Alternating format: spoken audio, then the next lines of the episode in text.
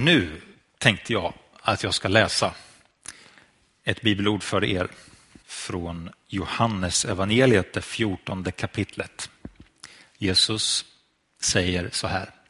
Detta har jag sagt er medan jag är kvar hos er, men hjälparen, den heliga anden som Fadern ska sända i mitt namn, han ska lära er allt och påminna er om allt som jag har sagt er. Frid lämnar jag kvar hos er, min frid ger jag er. Jag ger er inte det som världen ger. Känn ingen oro och tappa inte modet. Känn ingen oro och tappa inte modet. Världen den är full för tillfället, för tillfället utav oro. Alla människor tror jag nästan har drabbats av detta oron. För vad händer nu? Det är inte bara det här med corona utan det handlar ju också om, om ekonomin. Hur går det med det? Hur går det med mitt arbete när, när saker och ting läggs ner? Eh, när vi inte kan träffas eh, som vanligt och så vidare. Många, många saker som gör att man känner oro. Men mitt i all den där oron så finns det ett ord ifrån Gud som säger att Jesus vill komma med frid till oss. Han vill komma med sin frid till oss och, och sin frid till dig för att du ska känna och kunna klara av den situation som råder. Eh, för det finns en frid från Gud som, som tränger undan all oro. Det är ju inte så här, lägg märke till det när Jesus säger de här sakerna, så säger han inte att han ska ta bort all oro. Det säger han inte.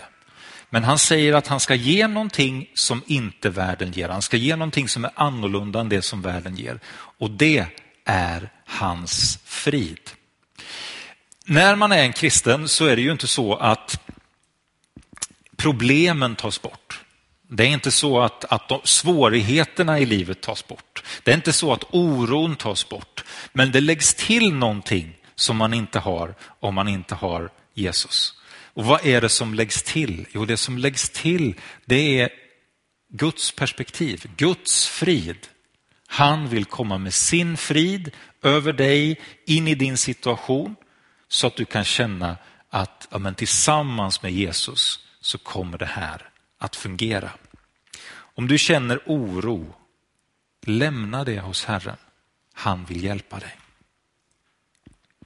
Jag ska läsa från Romarbrevet 8. Där står det så här. Ni har inte fått en ande som gör er till slavar så att ni måste leva i fruktan igen. Ni har fått en ande som ger er söners rätt så att vi kan ropa Abba fader. Anden själv vittnar tillsammans med vår ande om att vi är Guds barn. Men är vi Guds barn, då är vi också arvingar, Guds arvingar och Kristi medarvingar, om vi delar hans lidande för att också få dela hans härlighet. Du behöver inte leva i fruktan. Varför? Jo, därför att Gud är din pappa.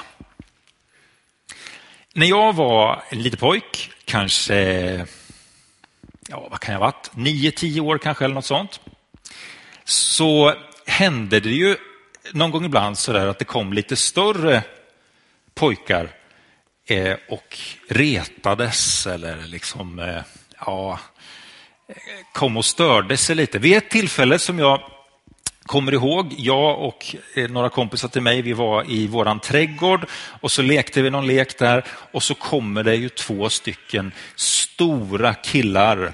De är säkert 11 och ett halvt år eller något sånt. De var jättestora och eh, de var där liksom och de eh, ja, höll på och, och retas och de höll på liksom och, och, och, det blev jobbigt för mig och min kompis och jag visste inte riktigt vad ska jag göra liksom. Men sen så var det ändå så att jag tänkte så här, pappa är hemma. Pappa är hemma så jag, jag, jag går in till pappa och säger till pappa. Och så gick jag in till pappa och så sa jag, pappa det är några här, de är, de är dumma. Kan du hjälpa mig? Och pappa han kavlade upp sina ärmar och så gick han ut. Och min pappa, om du hade träffat honom så, så är det så här att han är troligtvis en av de mest beskedliga människor du kan träffa. Oerhört snäll och oerhört, inte alls sådär eh, atletisk eller sådär. Eh, utan ganska liten, ännu mindre än vad jag är. Var han. Och, och eh, ja, inte speciellt skrämmande på något sätt. Men en sak kunde han och det var att skrämma livet ur 11,5-åringar i alla fall. För de där grabbarna de pep iväg och kom aldrig mer tillbaka. Det lyckades han med. Och jag tänker att det är så här med Gud också. Du vet, vi möter saker och ting som vi kan uppleva som är så stora för oss. I vårt perspektiv så är det någonting som är gigantiskt, det är omöjligt att ta sig an. Jag som 8-9-åring, jag kunde inte ta mig an en, en 11-12-åring. Det, det, gick ju inte, och speciellt när de var två också. Det funkade inte, men då gick jag till min pappa och så kom han ut och så hade han sån respekt så de bara försvann. Och du vet, ja det här är ju, mm, nu ska vi se vart vi ska ta vägen med det här, men han, han, han sa någonting, jag kommer inte ihåg vad han sa, och de liksom bara, oh, hjälp, nu måste vi sticka. Och jag tänker att det är precis så det är med Gud också. Du vet, när du behöver hjälp, när du är i en svår situation, när du inte klarar av saker och ting, då har du en möjlighet att få gå till Gud som är din pappa, som älskar alla människor, men som också är den starkaste och mest fruktansvärda man kan möta. Och då kommer han till din undsättning och så säger han, nu får det vara stopp. Det här är mitt barn. Jag står på hans sida. Jag står på hennes sida. Så är det att ha Gud till sin pappa. Det står här att vi får ropa Abba fader. Abba, det var ju eh, de små barnen i Israel, de ropade Abba. Det är som att ropa pappa ungefär. Ett enkelt ord för, för en pappa. Det var det de använde när de ville liksom att pappa skulle komma och hjälpa dem. Och så får vi också göra. Vi får ropa pappa till Gud och veta att Gud är där för oss. Gud är där för dig i din svåra situation och han vill hjälpa dig. Och i hans ögon så är det problemet som du tycker är så otroligt stort, det är väldigt litet för honom. För att han har kontrollen. Och så talar han ut sina ord som blir ett beskydd för dig och ditt liv. Du kan vara trygg i Guds närhet. Han står på din sida. Du kan ropa Abba fader och därför så har inte vi fått en ande som gör att vi är som slavar eller att vi måste leva i fruktan, utan vi får leva istället i frihet. För att Gud är på vår sida. Han står där vid din sida och han hjälper dig. Han kommer med sin frid. Du tillhör honom, du är hans älskade barn. Man kan ju tycka att det är lite fegt sådär va? Springa efter pappa. Ska man göra så? Ja, jag, tror, jag tror att vi ska göra så. Jag tror att vi får göra så. Varje gång när vi möter någonting som, som vi inte riktigt klarar av som människor, då har vi möjligheten att springa hem till våran pappa och säga till. Och han står på vår sida. Han finns där för oss. Jag tror att det är smart att göra så. Här finns ytterligare ett bibelord från andra Timoteusbrevet, det första kapitlet och vers 7. Ty Gud har inte gett oss modlöshetens ande utan, utan kraftens, kärlekens och självbesinningens. Gud har inte gett oss modlöshetens ande utan kraftens, kärlekens och självbesinningens. Vi kan låta oss få bli fyllda av den helige ande. Vi kan få låta oss bli fyllda av Guds närhet och närvaro. Och när han kommer så vill han fylla dig med kraft, han vill fylla dig med kärlek och med självbesinning. Det är det som han vill ge in i din situation för att saker och ting ska kunna fungera för dig. Kraft jag tror att de här tre sakerna faktiskt, kraft, kärlek och självbesinning, det är precis det som vi har så stort behov av idag när det är mycket oro runt omkring oss. Vi behöver känna att det finns kraft, en kraftkälla, att Gud finns där som är vår kraft och att vi behöver känna att, att, att när, när, liksom, eh, när vår egen kraft inte räcker till så kommer Gud med sin kraft och så får han hjälpa oss och se att det, det är möjligt att göra någonting. Han vill fylla dig med sin kraft istället för modlöshet. Du vet, det är lätt att komma in i ett läge när man, när man tittar på saker och ting och så blir man modlös för man tänker att det går aldrig, det kommer aldrig funka. Men Gud vill byta ut den där modlösheten och så vill han istället att du ska rikta blicken mot honom och att du får bli fylld med kraft in i den situationen som du står i. Kraft för varje dag, för alla utmaningar som kan finnas. Och så kärlek. Det här är ju en tid när många människor behöver din kärlek. Många människor som känner sig vilsna, Både de som kanske finns nära dig och de som finns lite mer på avstånd. Människor som inte vet riktigt, hur ska jag göra nu? Hur ska jag, hur ska jag göra? Hur ska jag, hur ska jag liksom hur ska jag leva livet i den här situationen som är nu? För det här är väldigt ovanliga tider, eller hur? Vi vet inte hur vi ska förhålla oss till varandra. Vi kommer till kyrkan, vi får inte hälsa på varandra riktigt. Visst blir det väldigt märkligt? Jag menar, vi vill ju alla krama om varandra istället. Men så vet vi att det, det får vi liksom inte, utan ja, vi, vi, jag vet inte hur vi gör. Liksom. Det är svårt. För det finns någonting i det här att vi, vi, vi, vi behöver känna människors närhet och känna att vi finns där för varandra. Det här är en tid när vi behöver mycket utav kärlek för vår egen skull men också för andra människors skull. Så jag tror att, att anden vill hjälpa oss. Eh, Gud vill hjälpa oss att visa kärlek i den, här, i den här tiden. Och här kan du fundera över, vad kan jag göra? Finns det någonting som jag kan göra för att visa kärlek till någon som behöver det lite extra? Kan jag ringa någon? Kan jag uppmuntra någon? Kan jag åka hem till någon? Vad är det jag kan göra? Vi har faktiskt en sån sak som vi vill uppmuntra till sen efter gudstjänsten. Vi vet ju att det är så här att en riskgrupp som finns är ju de som är över 70 år. Eh, och då är det ju så här att, att eh, de ska ju helst inte komma då till, till sådana här samlingar där det är många som är samlade och så. Ehm, men i det så finns det också en, en isolering tyvärr. Och då tror vi att det är så här att vi som församling behöver finnas där och höra av oss till dem. Och här kan du få vara med och hjälpa till.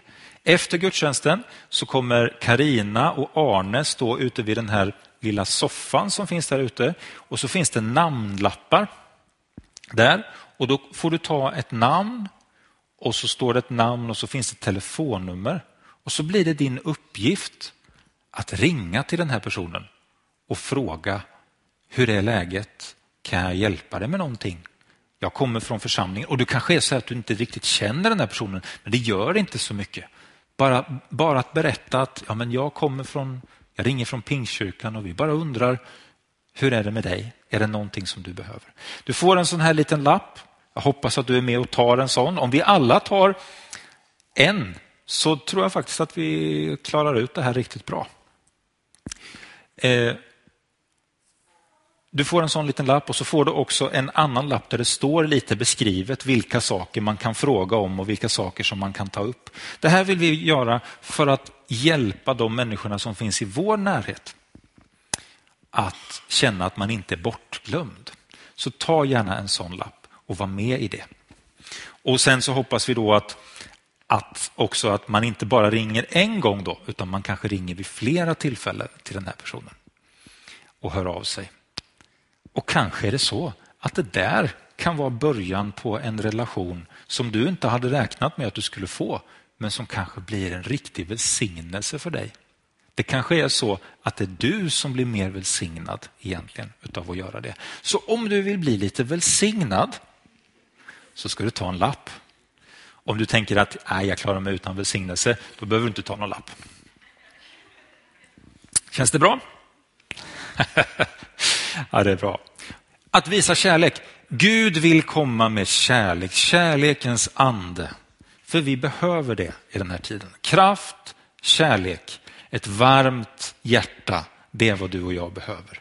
Men så står det också här att det handlar om självbesinning. Om, om hjärtat visar på en, Eller om, om, om kärleken visar på ett hjärta som är varmt, som tänker på människor, som, som sträcker sig utåt, så är ju självbesinningen kanske eh, att, ha ett, att behålla huvudet kallt. Liksom.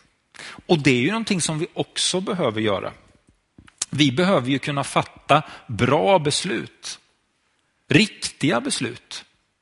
Inte fatta beslut som, som bygger på fruktan, utan istället få fatta beslut som, som, som bygger på att vi har, kan känna att vi, ja men, vi, vi kan bygga det på, på, på lugn. På, på, att det finns en Gud som står bakom oss. Jag tror att vi behöver kraft, jag tror att vi behöver kärlek och jag tror att vi behöver självbesinning. Och Gud vill komma och ge alla de här olika sakerna till dig i den situationen som du står i.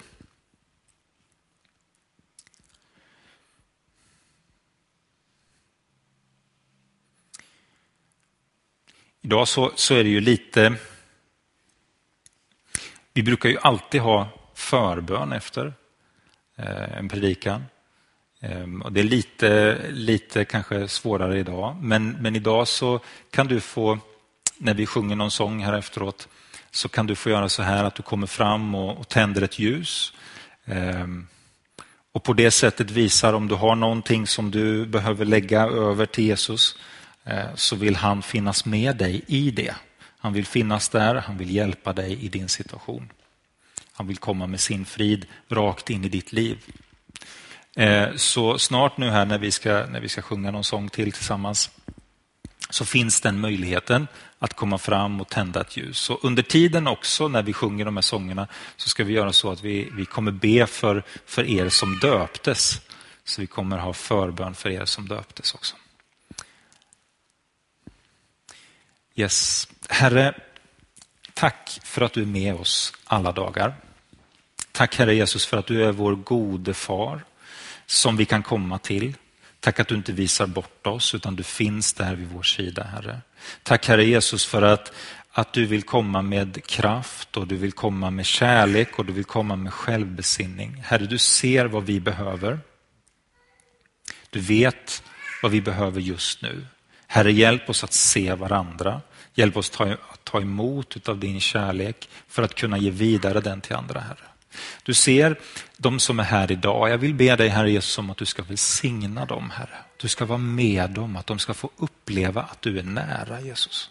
Och den som inte kunde vara här idag Herre, den som lyssnar på närradion eller ser på det här senare Herre Jesus, så ber jag om välsignelse över den människans liv. Låt var och en av oss få känna tryggheten hos dig Herre. I Jesu namn.